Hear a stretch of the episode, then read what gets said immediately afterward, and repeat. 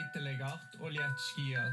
En norðan 3-8 á morgun, hiti 9-16 stig að deginum.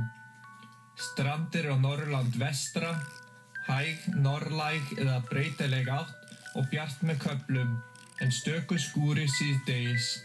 Norðan 5-10 í kvöld og á morgun og létt skíjað, en líkur á þókubökkum með sjóin. Hiti 10-16 stig í dag, en heldur svalar á morgun. Síðdegis og þyknar upp með súld eða regningu í kvöld, fyrst vestan til. Hiti 10-17 stig. Hægari og úrkomulítið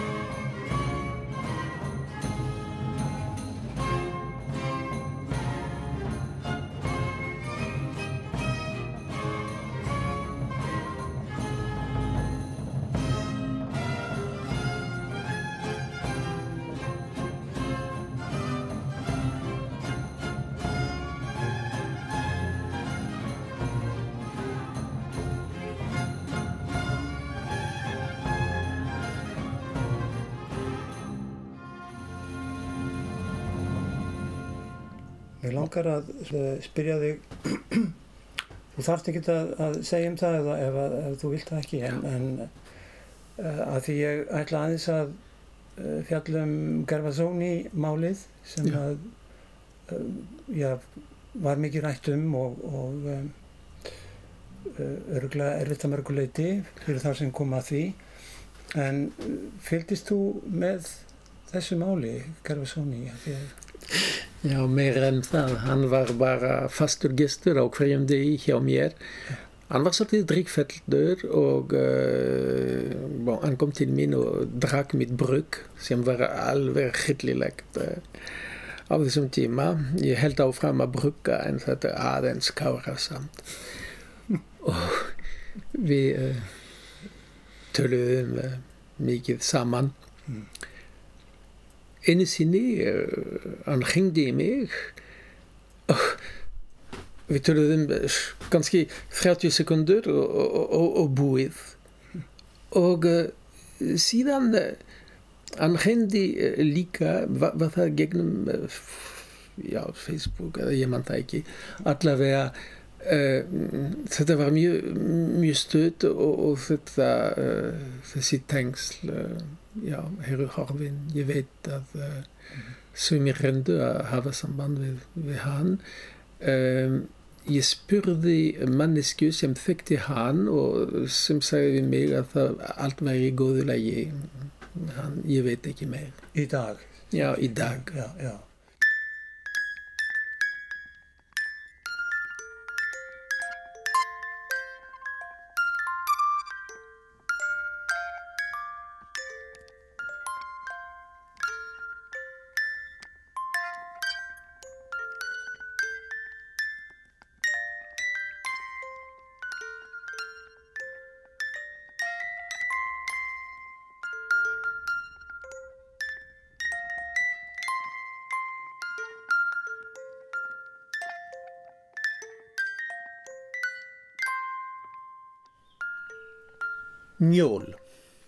Pour les fêtes. On met ici le doigt sur un point sensible chez de nombreux citoyens respectueux des lois. Le but n'est pas toutefois d'inciter à la production de gnôles ou autres torboyaux maison, à l'exception de l'eau de vie de camarine noire, voire recettes plus haut, mais de rappeler que certaines préparations font plus d'effet sous forme de texte imprimé que dans le gosier. Inutile de s'étendre sur le fait que la n'a pas seulement un goût exécrable, mais qu'elle ne peut aussi entraîner temporairement une cécité mentale et provoquer des dégâts durables dans l'organisme. Landi, samkvæmi. Hér er vissulega komið við kvikuna í mörgum löglínum borgaranum. Markmiðið er þó ekki að hvetja til framleiðslu á landa eða heimabrugs af öðru tægi. Undantekning krækiberja líkjör, sjá uppskrift.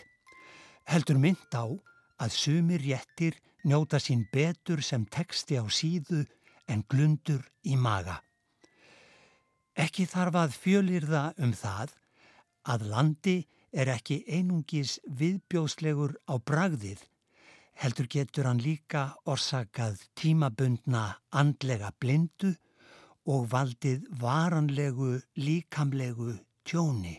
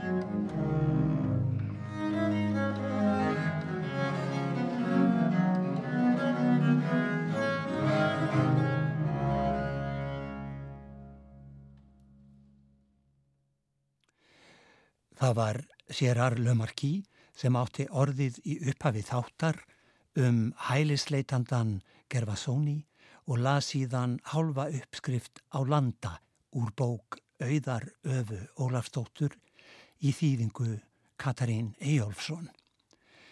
Hlustendur fá svo að heyra setni hluta landa uppskriftar síðar í þættinum. Það vil svo til að ágætur vinu minn Torfi Tulinius þekkir mál Gervasónís í hörgul þar sem hann, ungur maður um tvítugt og uppalinn á franskri grund, fekk það hlutskipti árið 1980 að tólka fyrir Patrik Gervasóni. Það er óhægt að halda því fram að lífi ríkistjórnarinnar hafi verið stemt í hættu og að íslensk stjórnvöld hafi verið vanbúinn til að takast á við málefni flótamanna á þessum tíma. Málið er að pólitíska staðan á Íslandi var hansi sérstök þegar þetta var. Gunnar Tóruðsen og tveir aðrir ráþeirar, tveir aðrir þingmenn úr sjálfstæðisfloknum höfðu klófið sér út úr floknum og myndað ríkistjórn með um, alltíðubandalaginu og að ég held framfórnafloknum og, uh, og þessi ríkistjórn var, það var búið að vera laung stjórnarkreppa áður en þetta var gert og þessi ríkistjórn uh, eh, hjekk á einu atkvæði. En, þannig að og, eh, en þannig er vinstri menn og hægri menn og miðumenn í þessari stjórn sem að í raun og veru er mynduð í kringum personu Gunnars Tóruðsen ég þegar þetta var, ég, við vorum náttúrulega svona nexlaðir og undrandi á þessari framkomu og ég, þetta var á lauruglustöðinu á hverfiskötu og ég bara hleypt um leið og þetta er búið og búið að taka taka Gerfarsson í fastan, þá hleyp ég yfir, þetta var náttúrulega löngu fyrir daga farsíma, þá hleyp ég yfir, yfir hérna hverjaskötuna inn á hlem og þar uh, voru fyrir ekki tíkallarsíma heldur fimmkallarsíma, þetta er svona langt síðan. Og uh, ringi í uh, Rít Björn sem var Rítstjóri stúndablansins, hann hefur und, undir eins samband við fréttastof útvars og þetta verður að frétt í hátteginu og vekur mikla aðtikli og vekur svo mikla aðtikli að einn af þingmönnum alþjóðbandalagsins, Guðrún Helgadóttir, lýsiði yfir, þarna held ég bara samdægur, á munni ekki stiðja ríkistjórn sem að vísi svona friðarsinna úr landi. Og, uh, og það eru fleiri sem að bregðast við, um, það voru, hérna, það voru, ég held að það veri bara þennan dag, það voru samningavirðar í gangi og leiðtóðar verkalýsreifingarinn að stóð upp frá samningaborði og fóru að fund fórsettisraðara til að fá að vita hvað verið að gerast og, og fólk streymdi, við vorum með svona bækistöðar í húsnaði stúdendaráðs og fólk streymdi þangað mm. og ég var náttúrulega mikilvægur í þessu sem tólkur af því að eins og gerur svona ég talaði ekkert annað en fransku og það bara skapaðist mjög mikil stemning í kringum það að annars vegar þeir sem að vildu uh, sína þessum fríðar sinna stuðning og, og stiðja hann í því að neyta gegn herþjónustu í Fraklandi og, um, og svo þeirra sem að uh, voru svona meira efins um þetta. Gerfarsson var bara í, meðan þetta var alltaf gerast, var Gerfarsson í, í lauruglubíl á leðinu sögur til Keflavíkur svo eins og hann lísti þessu, svo bara stoppaði lauruglubílinn einhverstaðar út í hraunni og lengi og engin, hann skildi ekkert sem að vera að segja við sig og enginn gæti gert sér skiljanlega með hann. Og hann vissi, hann var náttúrulega rann að runnu á hann tvær grímur ef svona að segja, hann vissi ekki nema þeir ætlaði bara að ganga frá sér í rauninu. En uh, það var nú ekki. Heldur einmitt uh, út af þessari pólitísku sprengingu sem þetta var, var ágáðu stjórnvöld að uh, gefa sér tíma til að skoða málið. Og held ég bara þennan dag eða daginn eftir uh, var, var fórsettisráð þeirra búin að gera, ná samkommulagi við dómsmálaráð þeirra sem var einn af þessum sjálfstæðismönnum sem hafðu klófið sig úr flokknum til að mynda stjórn með Gunnari Fríðjón Þórðarsson hétt hann. Og þeir hafðu að, að, að Gerfarssoni myndi fá dvalarleif í þrjá mánu meðan var verið að skoða uh, málið. Þannig að, uh, en Guðrún Helgatóttir stóð fast við sin, sinn keip, hún myndi ekki styðja ríkistjórn nema, uh, hún nema að hann fengi þarna hæli.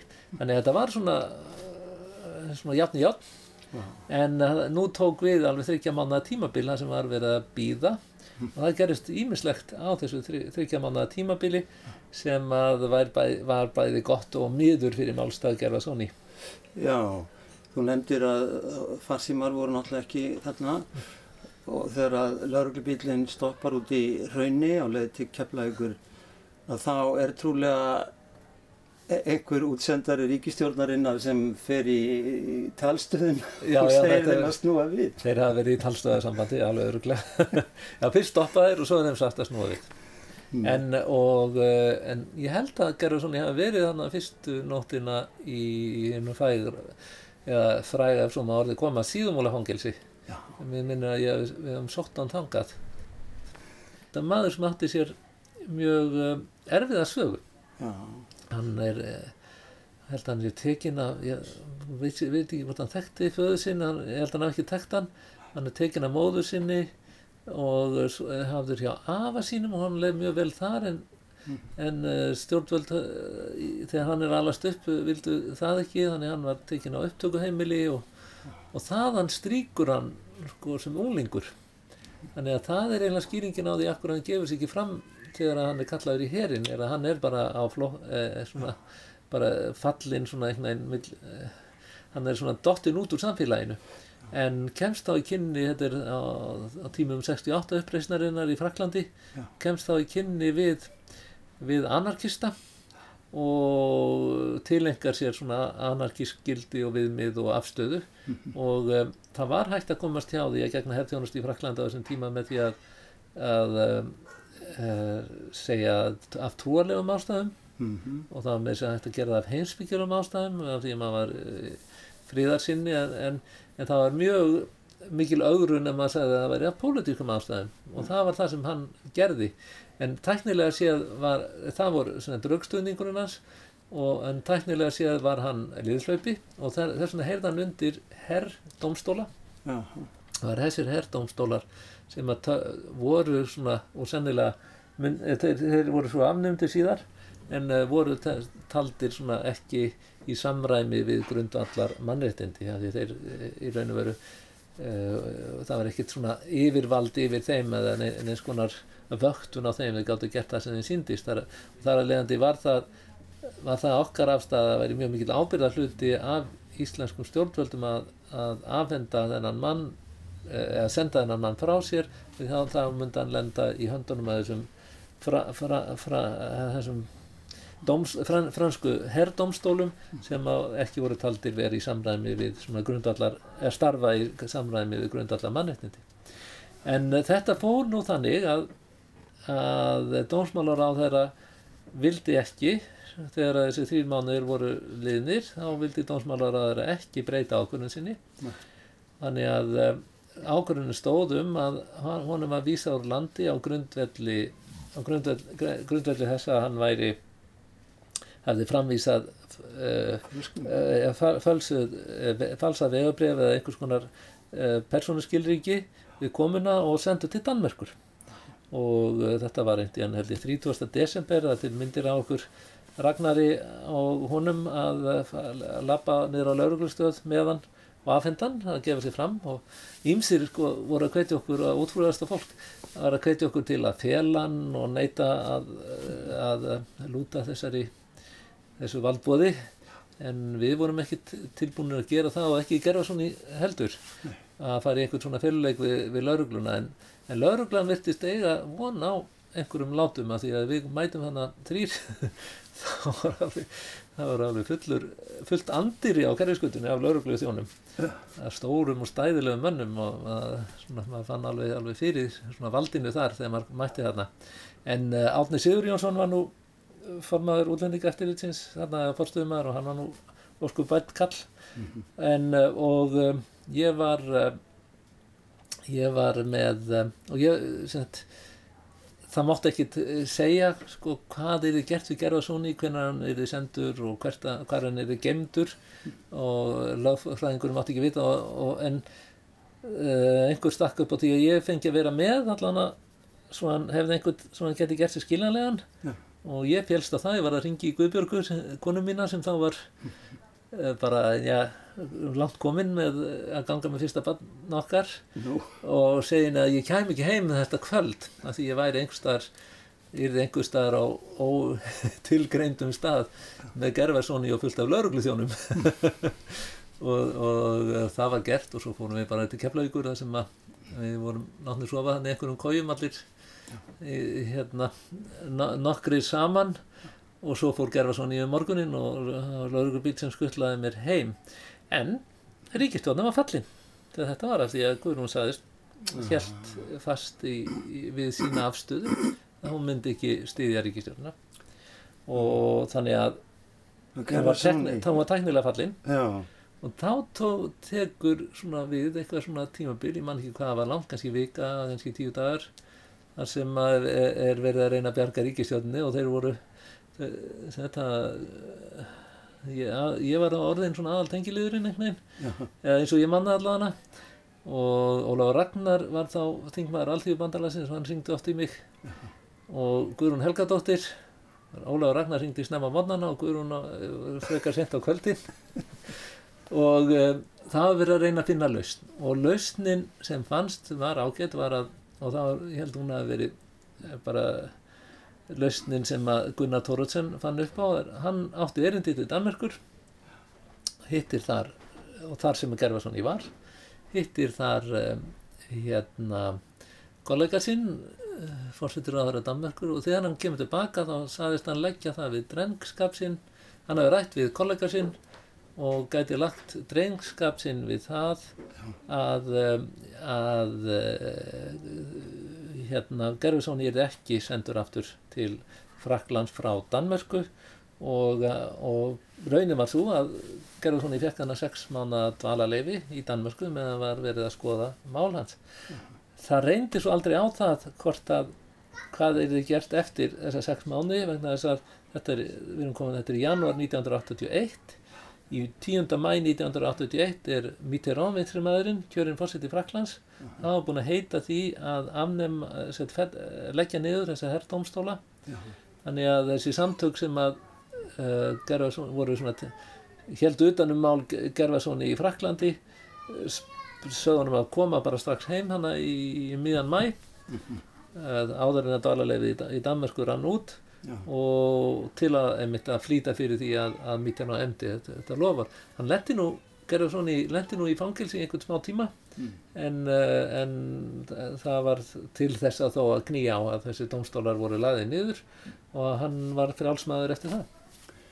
Þannig að þetta hefur haft viðtæka áhrif pólitíst? Þetta, var, þetta var mjög skemmtilegt, að, mjög áhugavert að kynnast þessu bæði, ég er náttúrulega eins og ég segi, ég held þessi 22 ára þarna, það er bara aldrei komið nálægt íslenski pólitík og um, en uh, maður svona kynntist ímsum hliðum á íslenski pólitík í getnum þetta.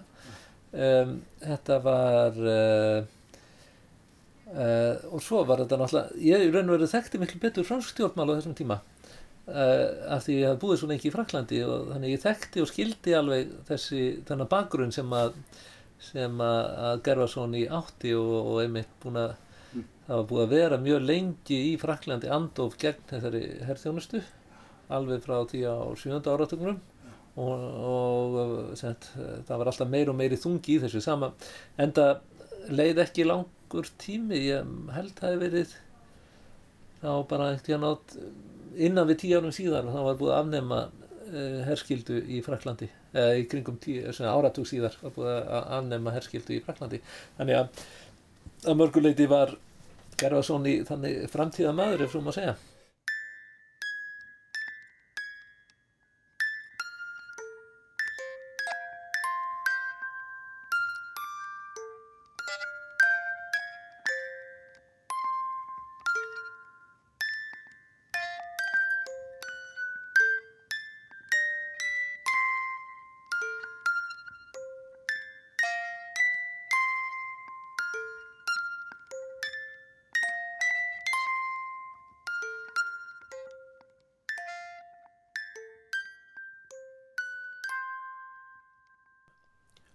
Pour 20 litres d'eau, il faut 5 kg de sucre et environ 4 cuillères à soupe de levure.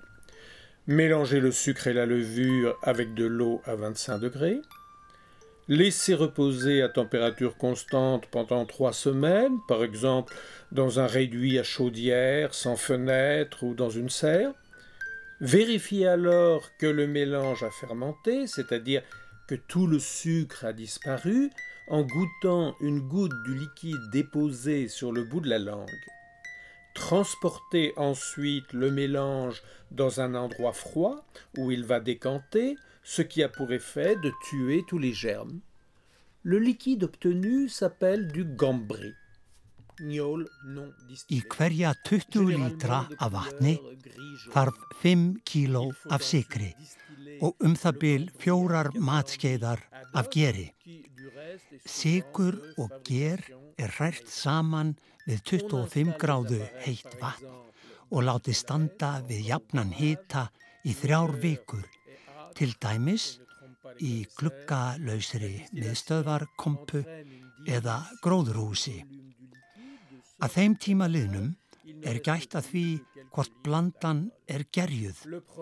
Það er hvort allur sigur er farin úr til dæmis með því að bragða lítilega á leginum, setja e, dropa rétt á tungubrotin. Blandan er því næst flutt á kaldan stað þar sem hún er látin botfalla. Við það drepast allir gerlar. Lögurinn er kallaður gambri og er venjulega grá gulur á litin. Gambran þarf að eima með þar til gerðum eimingartækjum sem reyndar eru oftast heimatilbúin. komið græjánum fyrir til dæmis á gestaklósetti við útidyr eða úti í bílskúr. Lyktin er römm og blekkir ekki þá sem til þekkja. Við eiminguna minkar umfang vökvans þannig að eftirstanda fáeinir lítrar af spýra. Loks er bruggið síjað í gegnum viðarkól til að reynsa og minka landabræðið. Sumir kaupa essensa á flöskum í bruggbúðum og setja út í laugin til að bræðbæta. En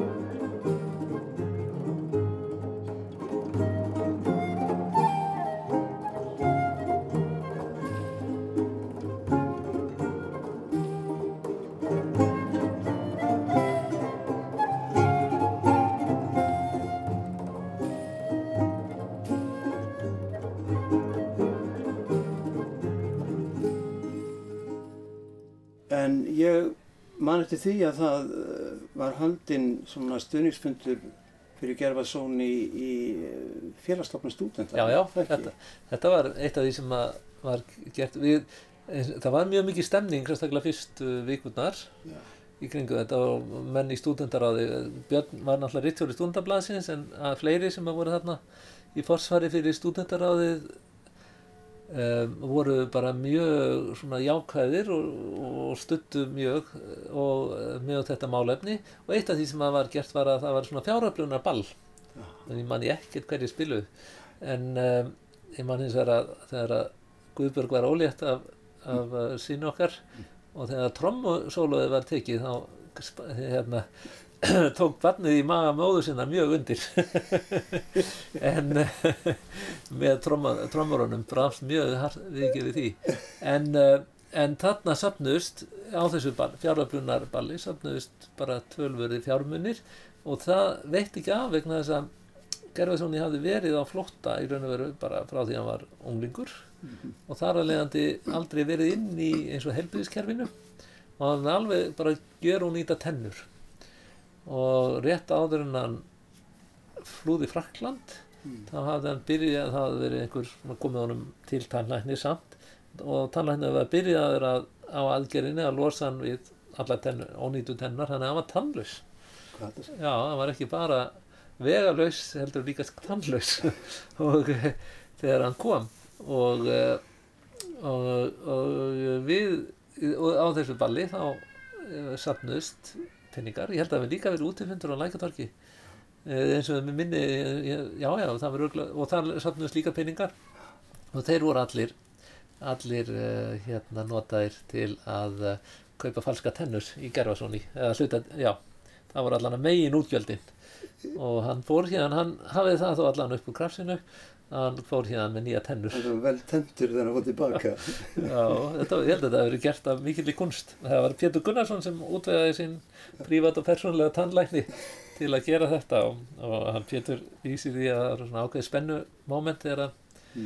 sko, Gerfarsson var vanur að tjá sig svona eins og í svona pólitískum fullýringum og eh, og eh, svona gjarnan eh, svona, sem hann sagði hljómaður stundum eins og fréttatilkynning frá byltingasamtökum og, eh, og þegar að hann er að býða eftir því að tannlæknirinn þeir Gerfarssoni, hann fer með, með Gerfarssoni til tannlæknisins og, tann, og Gerfarssoni situr í stólnum og læknirinn hefur brúðið sér frá til að ná í fölsku tennar sem hann var búinn að smíða og segir hérna Gerfarssoni upp úr stólnum ef þetta eru postulistennur þá þver neita ég að taka við þeim.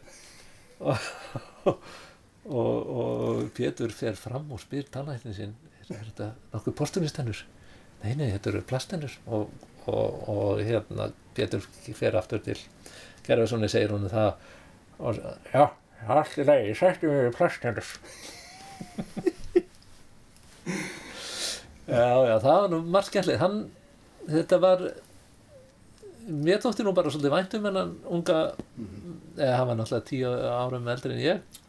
En það var að því að hann var svona hann var eitthvað svona hann var svolítið sært dýr hafði átt erfitt en hann gæti líka verið erfiður og það eru svona ímsum öðrum úr hópnum eh, svona já, fannst hann vera stundum svolítið dindóttur og kannski eilítið vantaklátur en um, en ég náttúrulega var sá sem maður gæti tala við hann og hann eignaðist náttúrulega kunningja í, í hópi e, margar sko bæði fólk sem hafi búið í Fraklandi og kunni fransku og líka ekki síður í hópi frakkana í bænum og var hér heimagangur hjá einsum frakkum sem bygguðu hér í Grótaþorpinu. Já, og hann bjó hér í Grótaþorpi á tímabili, getur það ekki verið? Það, veist, ég fylgist ekki svo náðu með því hvað hann bjó. Já. Við vorum sko hann bara nýflutt í okkar í sendi, íbúð hjónaleysin. Og vorum að búa okkur undir að taka við að að eignast okkar fyrsta badd þannig að þessum, ég man ekki búið mikið eftir þessu hvað, hvernig með húsnæðismálin en hann, hann bjó hér og þar og fóð mjög vel um hann. Já, það voru líka fleiri frakkar hérna á þessu tíma, tímabili. Já, frakkar á svipu reki. Frakkar sem að líka skildu þetta, þetta hlutskipti. Já, það var mjög, sko, þetta er ekki eins og sko, frakkar er ekki, er ekki neinu, neinu stríði á þessum tíma, þetta er ekki eins og menn af sömu kynnslóð sem að flýja bandaríkinn til að þurfa ekki að fara að berjast í Vietnam Já. en það voru ansi margir frakkar sem að lendu með einum með einum eða öðrum hætti upp á kant við stjórnvöld að þeir vildu ekki gegna hættjónustu og urðu að bara, já, ég að sitt í- inni og, eða vera, gerast landflótta og um, þannig að það var skilningur á þessu meðal, eh, meðal uh, frakkana hér í bænum oft jafnaldrar, eða nokkurn veginn jafnaldrar uh, gerfa Sóni og líka ok, meðal okkar sem að hafum búið lengi í Fraklandi og þekktum til þessara mála. Þetta er náttúrulega, þetta er eitthvað sem við skiljum ekki. Við, hvorki ég niður þúni en bara nokkrir, nokkrar kynnslóðir Íslanding hafa lent í þessu að vera bara, bara þegar hún nærði ákveðnum aldri þá, ertu bara, þá er þér skipað að mæta og gefa eitt, tvö ára af lífið þínu til hersins og alveg sama hvað þið kann að finnast um herin og alveg sama hvað herin er að taka sér fyrir hendur. Og um, það var nú ekkert langt síðan að frakkar tók, voru að berjast í þessum nýlendu stríðum þannig að bara Indokína fyrst og allsýr svo og, all, og það var ríkalega, þetta er sem kynslu þeirra sem eru fættir svona miðbygg fjórða áratugar og uh, já, snemma á fjórða áratug og, og sem, uh, þetta fólk þurfti að berjast í, í, í stríðinu þannig að og, og taka þátt í, já, náttúrulega leggja lífsitt í hættu og limi en líka taka þátt í einhverju sem að menn vildu síður taka þátt í og kannski jafnvel einhverju sem við myndum kalla í dag stríðsklæpum þannig að þetta er eitthvað sem að þetta er mjög mikil svona kvöð að uh, hafa svona herrþjónustu og um, einmitt sérstaklega eftir nýlendustríðin þá var, var þetta ekki einsall lengur í, í Fraklandi já. Fylgdistu eitthvað með Gervarsoni eftir hann fór hérðan? Ég er svolítið, ég, ég svona fylgdist með þessum málum sko að hann, sem ég sagði frá áðan, þar að segja að hann fór frá Danmörku til, til Fraklands eftir að hann var, eftir að sósialisti komst í valda Mm. og uh, ég, sett, uh, ég talaði við hann eitt í hann eftir að hann var komin úr fangelsi og, og, uh, og var orðin laus allra mála. Þá hringdi hann held ég. Og svo, all, svo ætlaði hann að koma yngað uh, hérna árið síðar og var, um, ég held hann hafi bara verið, segið mig þá, bara kannski svolítið drukkinn þegar hann hringdi mig þá. Þegar hann var ímyndið sér að ef hann kæmi þá yrði hann að fá alveg sérstaklega vernd fyrir, fyrir bladamönnum sem myndi, sem myndi sitja um hann. Og, um, og svo, en svo var ekkert úr því að hann kom. Og, en síðan hef ég ekkert heyrt. Nei. og fyrir uh, ekki svo mörgum árum, kannski 6-7 árum var Eva Maria Jónsdóttir að gera þátt um þetta mál, sjónvarþátt og reyndi mjög mikið að hafa upp honum. Og uh, komst að fekk í lið eh, með sér hérna, sendiráðfrakka hér í Reykjavík. Og þeir gáttu sagt henni að hann væri lifandi og, en að hann vildi ekki láta af upp á sér. Þannig að um, hann bara hefur bara horfið.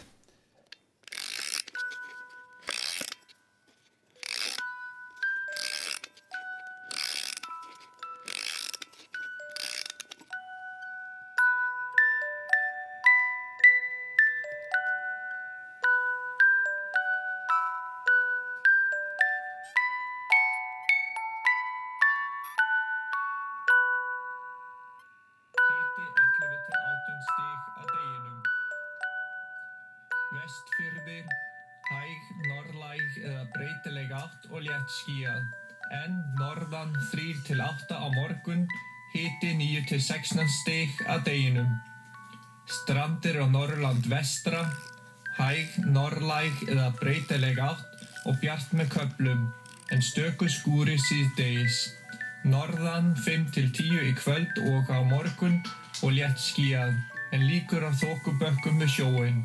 Hiti 10 til 16 stig í dag, en heldur svalar á morgun. Og þyknar upp með súld eða regningu í kvöld, fyrst vestan til. Hiti 10 til 17 stig. Hægari og úrkomulítið á morgun, en regning seint annað kvöld. Konar í veðri. Miðhálendi, hægt vaxandi sunnanátt. Þorpið eftir Jón úr vör. Fátækt fólk. Fátækt fólk kveður eitt þorp, heilsar að öðru og kveður að nýju. Eftir árslanga vist fjarrri áttögum sínum flosnar það enn upp, leitar aftur heim á þær slóðir þar sem það þekkir öll kennileiti og mið. Gömul kona sem rýri sex vetrarvertíðir undir jökli þegar hún var ung og eignaðist eina dóttur, segir við ungviðið. Engin veit sinn nætur stað nema gröfina.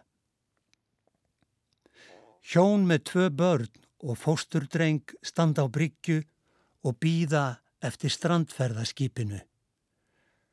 Börnin nýbra sig í skjól bak við nokkara kistla, sængurpoka og rúmstæði, horfa á bláa fötu með havragraut í nesti og tvær þryggjapela flöskur af mjölk.